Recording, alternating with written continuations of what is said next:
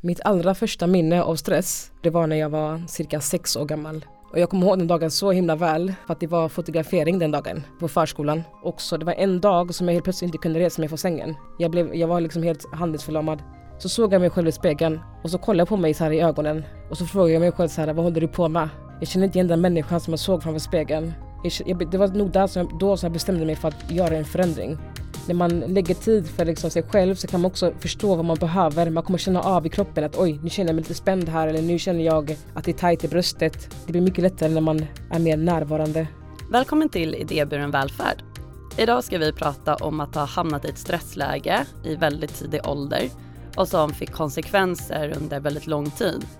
Men som också ledde till att välja en väg i livet som hjälper andra människor att hantera stress och oro vi kommer även att gå igenom övningar för att kunna hantera stress och få lite tips om återhämtning. Jag heter Jonna Ekdahl, kommunikatör på Skyddsvärnet vars podd du nu lyssnar på. Och glöm inte att följa podden på till exempel Spotify eller i podcasterappen. För då kommer du även få en liten notis om ett nytt avsnitt har kommit ut. Och jättegärna tipsa folk du känner om podden så att vi kan nå ut till flera människor. Men nu till veckans gäst som är Joni Bogera.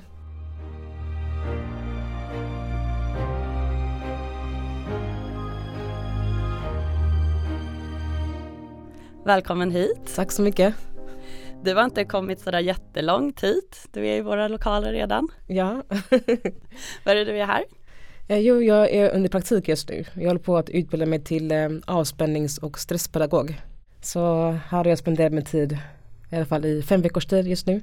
Ja, det känns som att vi alla behöver kunna hantera lite stress och få lite avslappning i livet. Ja, det är jag helt enig om. Ja.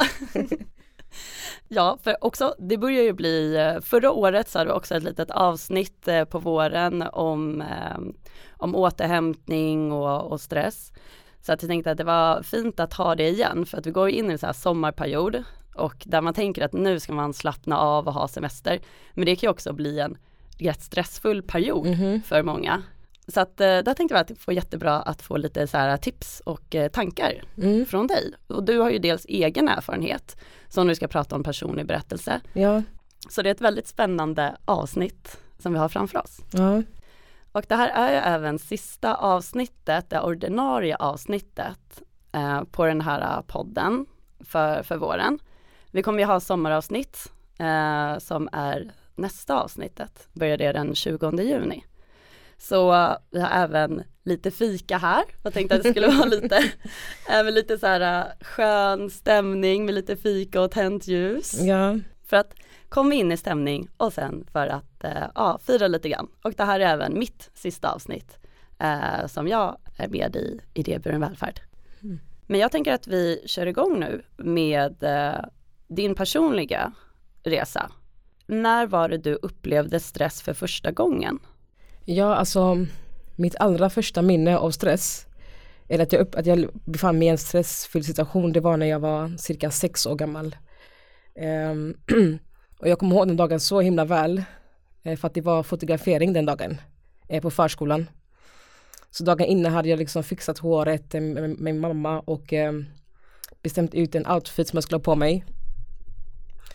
Um, och gått och lagt mig och sen vaknat på dagen därpå då så skulle jag gå till förskolan och ja, blev fotograferad tillsammans med mina lekkamrater och så även få det här enskilda porträttet. Och det var, en, det var en vanlig dag och vi lekte och hade kul så här och sen skulle jag in i ett rum då för att fotograferas. Och när jag kom in i det här rummet så, så kände jag bara något starkt i kroppen, bara jag kände sån stark eh, stress, den här stressen då, oro eller så här rädsla, eh, massa olika blandade, blandade känslor på samma gång. Jag, jag kan inte riktigt sätta finger på vad jag kände men jag blev väldigt rädd i alla fall och eh, väldigt tyst och jag kände inte igen mig själv eh, i, det, i, det, i den situationen då. Och den här fotografen försökte få mig att skratta och le och han försökte så här få, få, få fram ett leende från mig. Men eh, det gick inte, jag bara log så här jättesvagt leende så här. Och så jag gick jag därifrån då med den upplevelsen men den försvann eh, efter en stund för jag lekte med mina kompisar och sen så var det inget mer med det. Men eh, i min vuxna ålder så förstod jag då att, att det var liksom ett, ett tidigt tecken på att jag hade, led kanske av social fobi eh, och att vara med andra människor som jag inte kände till. Att jag blev så här stressad och orolig. Hur började då det här, den här stressen och den känslan liksom eskalera i ditt liv? Det började väl eh, efter att jag tog studenten. Det var då som jag, eh, för då skulle jag börja, börja liksom arbeta, ta mig in i arbetslivet. Och då eh, märkte jag då när jag kom in i, här, i en ny miljö med nya människor att jag, att det var någonting som hände i min kropp. Och det kändes liksom ohanterligt. Jag kände mig inte bekväm och självsäker. Jag hade väldigt låg självkänsla. Och jag tyckte ändå att jag alltid haft en bra jag hade, jag hade tänkt på alltså, skillnaden på, låg, alltså, på självkänsla och självförtroende för jag hade väldigt bra självförtroende men självkänslan var väldigt låg. Eh, och det hade inte jag förstått först jag började, började på och började arbeta. För att eh, då var det nya människor och eh, en ny miljö och jag kände mig inte trygg och säker på mig själv liksom. Mm. Eh, och när jag kom in, när jag kom in i den miljön så så kände jag av att jag liksom inte klarade av att vara där. Och konsekvensen av det blev att jag liksom blev undvikande. Alltså jag ville liksom inte synas. Eh, jag kände liksom skam, jag visste inte vem jag var eller sådär jätteosäker var jag. Eh, och det ledde också till att jag liksom gömde mig i toaletterna ibland på jobbet. För att jag bara behövde ha tid för att liksom återhämta mig och gå ut igen och sätta på mig den här masken du vet. Mm. Eh, men man klarar, inte, man klarar inte av det hur länge som helst. Så att till slut så började jag märka att liksom det påverkade inte bara det påverkade liksom mitt sätt att vara och eh, min prestation blev sämre. Det påverkade mitt minne, ork, jag blev trött och liksom utmattad av att vara på jobbet. Eh, just av den anledningen att jag kände mig så otrygg och osäker på mig själv. När började det bli verkligen ett stort hinder för att dels för, för dig själv men även för att arbeta och man ska ju prestera mm. och göra saker på jobbet också. Ja. Samtidigt som man ska balansera det här. Mm. När började det att liksom mera crasha eller clasha? Det började väl nu eh, nog eh, det började, jag kommer ihåg att det, det var en dag som jag kom till jobbet, kommer ihåg. Och så, jag hade jobbat där i ungefär två, tre år. Och så bara en dag så märkte jag bara, jag, jag kommer inte ihåg koden. Alltså jag kunde inte, jag, kom, jag har skrivit in den dagligen i flera år. Och sen bara dagen efter så hade jag glömt bort koden till, eh, till porten liksom. Jag bara, vad är det här för någonting? Alltså varför kan jag inte koden? Eh, och jag skämdes så mycket för jag blev såhär, va? Alltså vad är det som händer? Vad är det som händer? Jag förstod inte riktigt vad som höll på att pågå i mig då. Um, och sen blev det ju mer och mer att jag blev mer slarvig och jag liksom kunde inte fokusera. Och det var då som jag um, också, det var en dag som jag helt plötsligt inte kunde resa mig från sängen. Jag, blev, jag var liksom helt handlingsförlamad och uh, kunde inte göra någonting alls. Um, och jag var ensam, då bodde jag i Oslo så jag bodde ganska långt bort från min familj och vänner. Mm. Så jag kände mig väldigt ensam då i det. Uh, och det var så här skam och, och jag vågade inte prata om det öppet. Eh, det var ganska väldigt svår period. Och när jag, när jag var där så var det verkligen svårt för mig att ta mig ur. Och det var då som det verkligen började eskalera. Jag blev så pass sjuk så jag blev utmattad till slut. Och det var då som jag blev sjukskriven under en längre period för att jag skulle kunna få tid för att återhämta mig. Um, men jag kände inte, att jag fick det här stödet från läkaren då när jag pratade om min historia. Utan jag fick istället så här medicinering. Uh, och det är inte någonting som jag um, alltså öppen för, mig personligen då.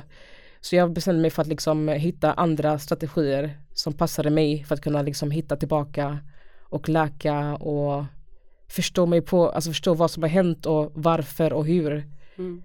eh, jag hamnade här. För att jag har alltid, jag har alltid varit så väldigt självsäker, eh, trodde jag i alla fall, när jag gick i skolan och väldigt trygg. Eh, och hade väldigt bra självförtroende, hade många vänner, eh, väldigt social ehm, och väldigt synlig. Och sen bara efter det så blev jag motsatsen till det. Så jag förstod inte liksom vad som hände. Bara sådär försvann allting. Var det svårt för dig att acceptera den här andra sidan när man trodde att men det är så här jag är, jag känner mig själv och sen så kom en helt annan sida in eller del in? Mm, det var verkligen, det var jättesvårt att acceptera det. Jag kommer ihåg det var någon gång som verkligen så här, jag tror inte att jag hade gått ut på, jag vet inte hur länge men jag var helt så här äh, jag var verkligen i botten och så gick jag förbi eh, spegeln, jag skulle in till badrummet, jag skulle göra någonting så här. Så såg jag mig själv i spegeln och så kollade jag på mig så här i ögonen, djupt i ögonen så här. Och så frågade jag mig själv så här, vad håller du på med? Alltså verkligen så här, jag, jag ifrågasatte mig själv. Och så kollade jag på mig själv ganska länge i spegeln. Och mm, jag kände så skam och så här, jag kände mig värdelös och jag kände inte igen den människan som jag såg framför spegeln. Och så bestämde jag mig för att göra någonting. Jag, det var nog där som jag, då som jag bestämde mig för att göra en förändring. Eh, för jag trodde jag gjort allt, men tydligen så har jag inte gjort allt. Så jag började liksom tänka lite utanför boxen. Utmana mig själv också lite och göra saker som jag eh, alltid har velat göra. Eh, och prova, prova att ta mig och försöka göra de sakerna också som jag ville göra. Och det var liksom en ingång till, till den här friheten då. Och bara att se mig själv i spegeln, det var jätteobekvämt. Så jag började mycket med det, att se mig själv i spegeln och prata med de delarna som jag var obekväm med. Um, och det hjälpte jättemycket för det började liksom tycka om de delarna. Hur pratade du med dig själv då? om du vill dela med dig. Uh, ja, alltså ibland, alltså det var väldigt, väldigt så här ambivalent. Ibland ska jag säga elaka saker till mig själv, typ vad håller du på med? Så här, Hallå, typ, det var mycket så här först, i, början, först, I första början var, det ganska, var jag ganska arg på mig själv. Eh, och sen blev det mer så här kärleksfullt och jag började så här, klappa mig själv och, och mm, prata till mig själv som ett litet barn typ. Till det här inre barnet som var så rädd, rädd för att synas. Och fråga vad, den, vad hon ville liksom. Vad behöver hon? Vad kan jag göra idag? För att få dig att känna dig trygg. Jag pratar mycket sådär med mig själv. Eh, och vad ska vi göra idag? Såhär, ja idag så ska vi liksom eh, gå ut. Och vad, ska vi ute? Och så gick jag ut och bara gjorde det såhär. här. Ehm, jag lyssnade mycket på musik också. Det hjälpte väldigt mycket. Jag vågade såhär. Jag var väldigt, jag var väldigt duktig dansare förut. Eller jag är fortfarande ganska duktig på att dansa men jag vågade inte ens dansa till slut. För jag, hade så, jag fick så dålig självkänsla. Och jag älskade att kunna dansa. Men jag skämdes till mig själv eh, dansa. Så jag började liksom röra på mig när jag gick ut. Och dansa lite, bara släppa loss. Och när jag kände mig bekväm med det så liksom kom det tillbaka. Det här med att börja dansa och röra på mig och komma i kontakt med min kropp igen. Den här situationen som du hamnade i då, mm. först när du var sex år, mm. var ju i en situation där du tyckte att det var jobbigt med personer runt omkring dig när du inte kände dem och mm. du var inte liksom i en trygg plats så i, kanske rummet. Mm. Vad finns det för mer sätt som finns liksom runt omkring oss människor här i vardagslivet som kan typ trigga igång stress eller oro? Alltså det är väldigt individuellt också, alltså vad som kan trigga en beroende på, alltså vi har ju uppväxten och ens självbild och värderingar och målsättningar har en stor betydelse för hur vi hanterar det som händer runt omkring oss. Um, så det kan ju vara, det beror ju på vem man frågar. Om du frågar mig så skulle det nog vara jag kan bli väldigt stressad om jag inte får tid för mig själv. Att för att återhämta mig eh, och vara i, mig, i, mina tankar lite stund bara för att kunna filt filtrera och eh, förstå vad som pågår går i mitt liv och vad jag gör. Om inte jag får den tiden så blir jag väldigt stressad. Men om man skulle säga, jag kan tänka mig, och telefonen kan också vara väldigt stressande, att vara tillgänglig till den. Mm. Svara på liksom sms eller mail eller samtal. Eh, det tycker jag är jätte, jätte, jättejobbigt verkligen eh, att vara tillgänglig på det sättet. För att ibland så är man inte mottaglig eh, när någon kanske hör av sig. Och så känner man det här kravet att man måste höra av sig nu för den personen kanske vill någonting om mig just i den stunden. Och så, så jag upplever också att, att, att de, alltså apparna gör det svårare för en att liksom hålla sig borta för man kan se om någon är aktiv, man kan se om någon har läst, det, de, de pressar ju ändå den personen, det, det blir som press mm. eh, när de här funktionerna finns för att Förr hade vi inte den där, den där funktionen att man skulle, vi var inte tillgängliga på samma sätt som vi är idag. Mm. Eh, förut kanske var tvungen att skicka brev och så kan man få tid på sig vänta, några dagar och liksom få tänka och reflektera men nu så är det så här ett klick iväg och så ska man vara tillgänglig där och då. Mm. Varför tror du att vi tillåter oss själva till att vara tillgängliga? För vi kan ju också bara strunta i det. Ja, alltså vi är ju eh, vi är flockmänniskor så vi är i, i, ett stort behov, vi är i ett stort behov av att vara till, alltså att vara sociala. Och eh, jag tror mycket har det här, det ligger i vår biologi att vi liksom tillhör en grupp och känna tillhörighet. Och när vi inte har den möjligheten så är vi rädda för att vi ska liksom bli utslutna från gruppen eller inte få vara med eller missa det som pågår. Så vi liksom, jag tror det är bara en naturlig reaktion, eh, en naturlig respons vi har av att liksom vara tillgängliga för att inte riskera att bli utslutna. Vad kan konsekvenserna bli av eh, just att vara tillgänglig hela tiden, just om man tänker med mobiler och social media och sådär? Det kan väl bli, alltså man, man, blir, man kan ju bli utmattad och eh, sen så kan man också Jag tror att många upplever att de alltså får ångest av det också. Att de inte, kanske inte kan finnas där just då alltid. Eh, och samtidigt ställer väldigt höga krav på en också. Jag tror också det kan vara svårt att hitta balans också på vad som är på vad som är liksom verklighet och vad som är alltså, digitalt.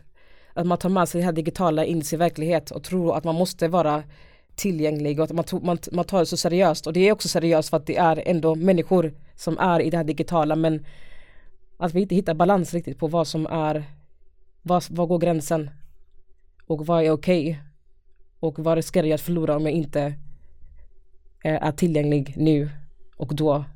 Alltså den här gränsdragningen. Uh, Hur ska man göra den? Alltså jag, jag, jag, eh, jag är väldigt tydlig med folk så här, men du vet vad, alltså nu, jag känner så här, jag kommer inte kunna vara tillgänglig eh, de här dagarna eller den här, den här perioden eller den här tiden. Så det beror på hur man liksom, vad man har för, vad man vill och vad man känner att man behöver. Och utifrån det så kan man sätta gränser också. Om man inte, har, om man inte vet vad man behöver så blir det svårt att sätta gränser. Men jag är ganska tydlig med att eh, vad, hålla, hålla, hålla dialog med det. Och säga liksom vad, eh, vad, jag, vad jag behöver för att kunna liksom vara tillgänglig. Det är någonting jag lärt mig sent, det är någonting jag lärt mig nu ganska sent i tiden. Innan var jag hade verkligen inte koll på det utan jag var mer såhär jag, var inte, jag, jag svarade inte förut på, på sms eller såhär um, mail på direkten. För att jag kände mig så stressad av det. Men nu så liksom, nu vet jag, vad jag, vad jag hur jag ska förhålla mig till det. Eh, jag tänker att det kan vara bra liksom, att skapa en, eller öka sin res resiliens. Och det menar jag liksom att man har, liksom ett, har en verktygslåda där man liksom i förväg avsätter tid för återhämtning och eh, egen tid och även journalföra också lite vad man gör och hur man känner och hur det, hur det påverkar en. När man har den, när man har den strukturen så blir det lättare för att se vad, vad som, var, hur man kan liksom eh, reagera till vissa saker och, man, och, hur man ska förhålla sig till det när det väl händer. Och att lyssna till sin kropp verkligen. Att förstå vad ens kropp säger och vad den menar också med det. Och att även ge tillbaka, alltså svara tillbaka till kroppen. Det är det som vi har ganska dålig koll på idag, upplever jag. Många tänker med men nu måste jag tänka positivt eller nu måste jag eh, lägga fokus på någonting annat för jag har så stark ångest just nu så jag börjar kolla på tv istället eller slösurfa eller bara få komma bort ifrån kroppen istället för att gå in i kroppen och känna efter vad kroppen säger. Och ska man, även om man tänker så här, men jag mår jättebra, jag har hundra bollar i luften eller kanske inga alls och det är inga problem. Ska man ändå göra det här eller är det när man börjar känna så att ja, det börjar skava lite grann? Jag tycker, jag, tycker man, jag tycker man alltid ska göra det för då kan man gå tillbaka och se, se om, om du mår bra just nu så är det bara positivt och då kan du säga okej okay, vad är det jag gör just nu som gör att jag mår så bra? Och sen kanske någon, någon vecka senare kanske det inte alls mår bra. Vad hände däremellan? Innan jag mm. började må så här dåligt som jag gör just nu. För då kan man gå tillbaka och kartlägga och se vad som har hänt och kanske är det någon eh, Kanske det är en situation eller en miljö du befinner dig i eller kanske är det några människor i närhet som triggar igång eh, de här eh, känslorna. Det är så mycket saker som spelar in som vi också inte lägger märke till. För att vi är så upptagna med det som sker runt omkring oss. Om man skulle punkta upp lite saker som man kan göra för att hantera stress eller, eh, eller kanske inte hamna där överhuvudtaget, det är väl bäst? Ja, alltså jag tänker eh, först och främst så är det bra att se till att våra fundamentala behov eh, tillgodoses. Då tänker jag liksom allt ifrån att man sover bra, äter bra, eh, har eh, sunda relationer, egen tid och, liksom, och, och vistas i naturen.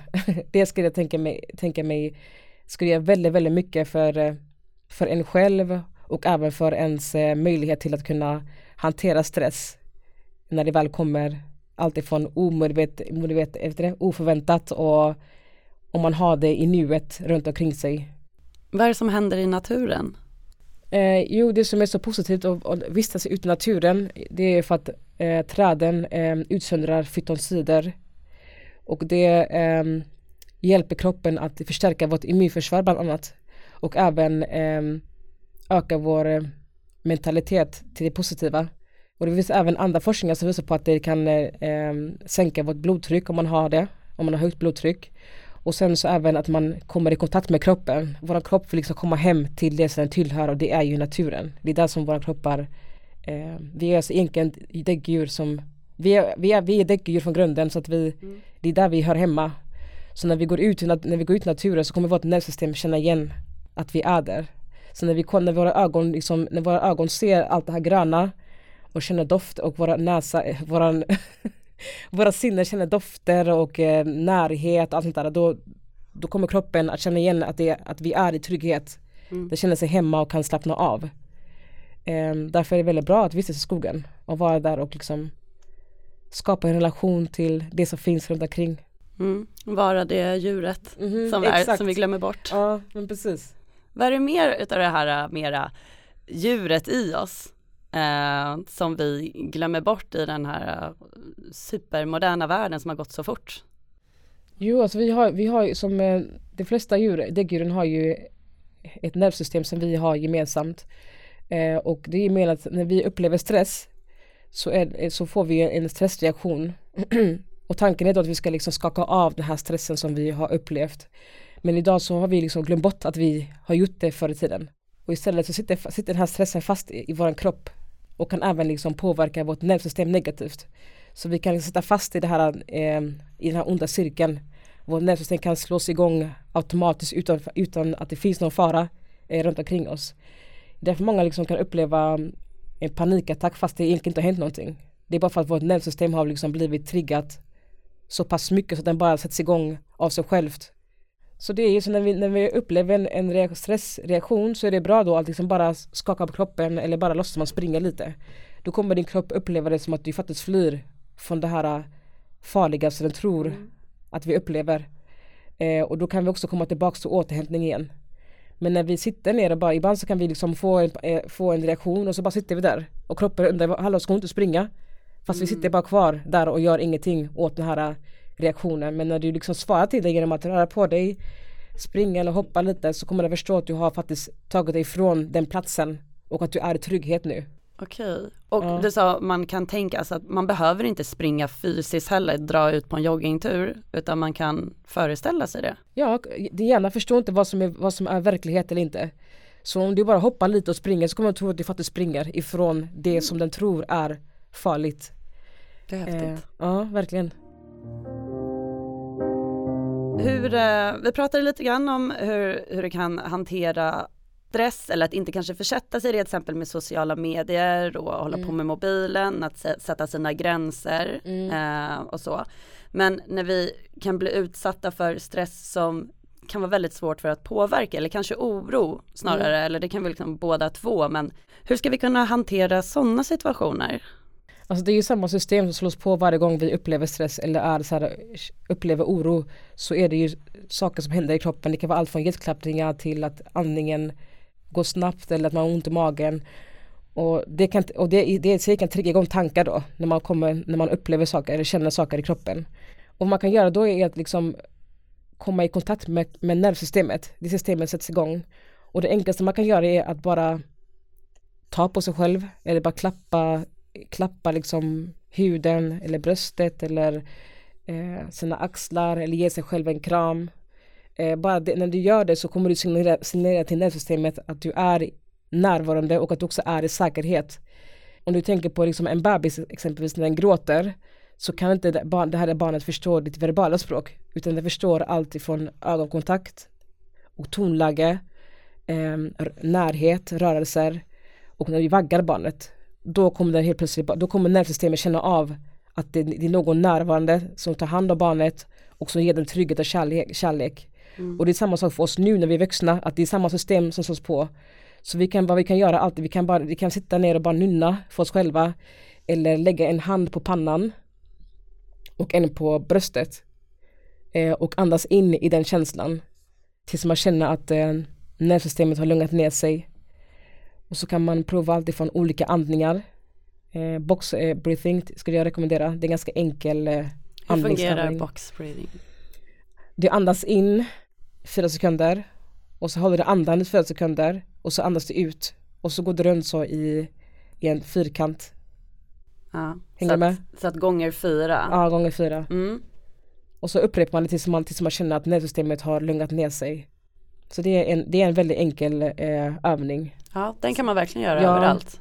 Det, kan, det är inte svårt att komma ihåg, inte tänka så mycket utan bara tänka på att du ska andas in fyra sekunder, hålla andan, andas ut och sen in och så fortsätter man sådär tills man känner att man är lugn igen. I den här till exempel listan som vi pratade om eh, tidigare, eller listan, eller tips på vad man kan göra för någonting. Mm. Det är också saker som kräver tid. Ja. Från, eh, många människor arbetar ju ganska mycket Mm. och har ju också sin eh, familj och det är så mycket Mhm. som man också typ ska göra eller hinna med. Så att för att inte känna stress över att inte stressa eller att jobba förebyggande med att ja, men, äta bra kost, eh, gå ut och motionera, vara i naturen, sova och få dagsljus också och sånt där som Mm. är viktigt. Och sen ska man göra allting annat. Alltså Ja. det, även där, det kan ju bli lite stressigt att känna Mhm. att man ska göra allting så bra för sig själv också samtidigt som man har mycket. Mm. Ska man balansera det här? Just det, jo men jag tänker att man liksom sk- skriver ner, jag, jag tycker om att skriva, eh, men att, att skriva ner liksom vad man vill göra och hur man ska gå tillväga och liksom vad, när är det lägligt och går det, går det i, alltså går det ihop med min tid? Och i sådana fall, om det inte gör det, vad kan jag liksom, vad, vad kan jag eh, förändra någonting? Är det någonting jag kan ta bort eller lägga till? Ibland, man, ibland kanske man inte vill ta bort någonting för man kanske är nöjd med det man har men hur ska du kunna förändra någonting om du kanske inte, om du tar bort någonting? Eller inte lägger till någonting. Så man måste fråga sig själv eh, vad man behöver göra för att skapa förändring om man, om det är det man vill göra. Och sen också vara realistisk, också passa, går det ihop med min tid? Om inte, hur kan jag skapa tid? Eh, utifrån det, det som jag har just nu. Och att man också sätter, att man har sätter eh, inte så stora mål på en gång utan små steg istället. Så om man vill börja springa exempelvis så kan man ju börja med att liksom promenera först. Och sen kanske man kan börja jogga och sen börja springa. Men en sak som jag tycker är väldigt, väldigt viktig det är väl att man först och främst ser till att man har eh, en, ehm, en bra grund innan man börjar skapa en förändring i sitt liv. Då tänker jag liksom att man har en bra sömn, eh, att man äter bra. Eh, jo, men alla de här fundamentala behoven, att, att de är till, tillgodoses innan man börjar göra andra saker. För annars kommer man, man kommer inte kunna göra förändringar som håller i längden om man inte har en, en, en bra grund först. Inför sommar nu då här, Mm. det är säkert många semester som eh, planeras och eh, saker man ska göra Mhm. och även lägga upp lite snygga bilder på, inte vad, segelsemestern Ja, eller det. tältsemestern och, och sådär samtidigt som man ska ha det så himla lugnt och skönt. Det är klart. Ja, Ja. det är också ganska mycket. Mm. Vad har, du, har du några bra tips på hur vi ska bete oss? Alltså typ att bara liksom släppa garden tänker jag. Alltså om du ska ha semester så istället för att liksom tänka på det här med att lägga upp bilder, den perfekta bilden eller ha ett fullspäckat schema att man istället lyssna, att kroppen får vara med också och bestämma. Lyssna till kroppen, vad behöver jag nu? Man behöver inte planera hela sommaren på en gång utan man kan gå kanske veckovis om det är möjligt. Men typ okej men vad behöver jag nu och ehm, vad klarar jag av att göra just nu? Och sen utifrån det så kan man skapa, kan man liksom se vad man har för möjligheter, resurser i sig själv och ehm, att man också gör saker som är meningsfulla, kanske lära sig någonting nytt eller ehm, gå ut i naturen eh, för att liksom vara mer närvarande i livet Just det. och inte bara i huvudet så mycket utan faktiskt vara närvarande, ge din, din kropp eh, uppmärksamhet. Så det ska jag rekommendera. Eh, och sen ta det lugnt och varva ner och lägg tid för återhämtning skulle jag säga också. Mm. Mm. Börja öva på den eh, då kanske. Ja, och när man har fått det, när man har fått det så kanske man kan bygga på det sen man börjar jobba för då kanske man förstår sen att oh, men, det här är så, det här, nu har jag fått känna av det här under sommaren och det här behöver jag lägga till när jag börjar jobba igen. Eller gå tillbaka till skolan eller vad ska, vad ni ska göra. Ehm, när man lägger tid för liksom sig själv så kan man också förstå vad man behöver. Man kommer känna av i kroppen att oj, nu känner jag mig lite spänd här eller nu känner jag att det är tajt i bröstet. Nu, bör, nu, nu är det dags att varva ner. Och dags för återhämtning. Det blir mycket lättare när man ja, är mer närvarande. Jag tänkte att vi ska börja runda av lite grann här. Mm. Jag tycker jag har fått så himla fina råd och tips och saker som jag inte alls visste om hur kroppen eller träden funkade faktiskt. Ehm, Men eh, ja, just det. Eh, Frågan här då. Hur tänker du eh, om dig själv idag jämfört med hur det var för några år sedan då innan? Oh, wow. Um, alltså här, jag, känner mig, jag känner mig värdefull. Alltså på riktigt, verkar så här uh, värdefull och alltså värd att få synas och ta plats. Och jag känner mig så trygg i mig själv nu också i kroppen. Och jag lär mig fortfarande, även om jag kan känna mig trygg ibland, otrygg i vissa situationer, så har jag ändå lärt mig att, att tala till, mig, till min kropp, till mitt nervsystem på ett eh, lugnt och kärleksfullt sätt. Så jag kan känna mig trygg vart jag än befinner mig. Um, så det är verkligen en stor skillnad, något som jag inte hade en aning om förut. Så jo, det är nog de, det som är skillnaden, min självbild. Så att jag ser på mig själv. När jag kollar mig i spegeln så känner jag mig eh, tillräcklig. Då har jag faktiskt bara en absolut sista fråga. Ja. Och det är en som jag ställer till alla gäster. Mm. Och det är om du kan berätta någonting som är roligt eller oväntat om dig själv. Oväntat ska det väl kanske vara typ att jag eh, Jag älskar att sitta och prata så här. Jag tycker om att prata med Jag tycker om, det lustiga är att jag, jag, har varit, jag har varit rädd för främmande människor men nu så älskar jag att prata med, med människor som jag inte känner. Alltså Mm. det, väcker, det väcker, väcker stor nyfikenhet hos mig. Typ vem är den här personen? Eh, vad, vad, vad, vad finns det för historia bakom de här ögonen typ? Eh, så jag tycker om att liksom prata med, med främmande människor. Alltså ställa frågor och bara så här, jag är en väldigt nyfiken person. Det är alltid, egentligen har jag alltid varit det. Folk är såhär, men shit vad du kollar på människor, varför gör du det? Jag bara, jag vet inte, jag tycker bara det är intressant att kolla på Mm. människor. Mm. Så det är jag inte, det är så här. När jag, var, när jag var barn så var jag så här väldigt eh, tyst, jag pratade inte så mycket. Men jag kollade, jag såg allt. Jag, såg, jag, jag tycker om att studera människor. Mm. Kanske låter sjukt men Nej. jag tycker det är intressant Mm. att Vad alla är så unika. där, ja, Mm. vad fint att det vände. Ja verkligen, det kanske var det som eh, var, kanske det som var grejen bara att jag kanske inte vågade eh, visa den här nyfikenheten inför Nej. andra. Men ja.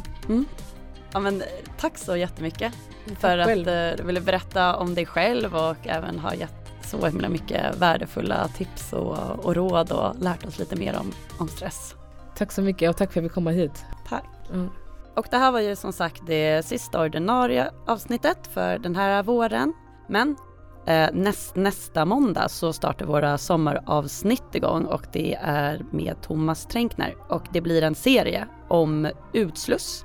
Alltså till exempel har varit i halvvägshus som vi på Skyddsvärnet har så det kommer vara väldigt intressanta personliga berättelser från människor så missa inte det. Och podden med våra ordinarie avsnitt är tillbaka den 29 augusti men då med Rebecka Hagman som sköter om podden från och med då. Tack så jättemycket för att du har lyssnat. Ha en trevlig sommar!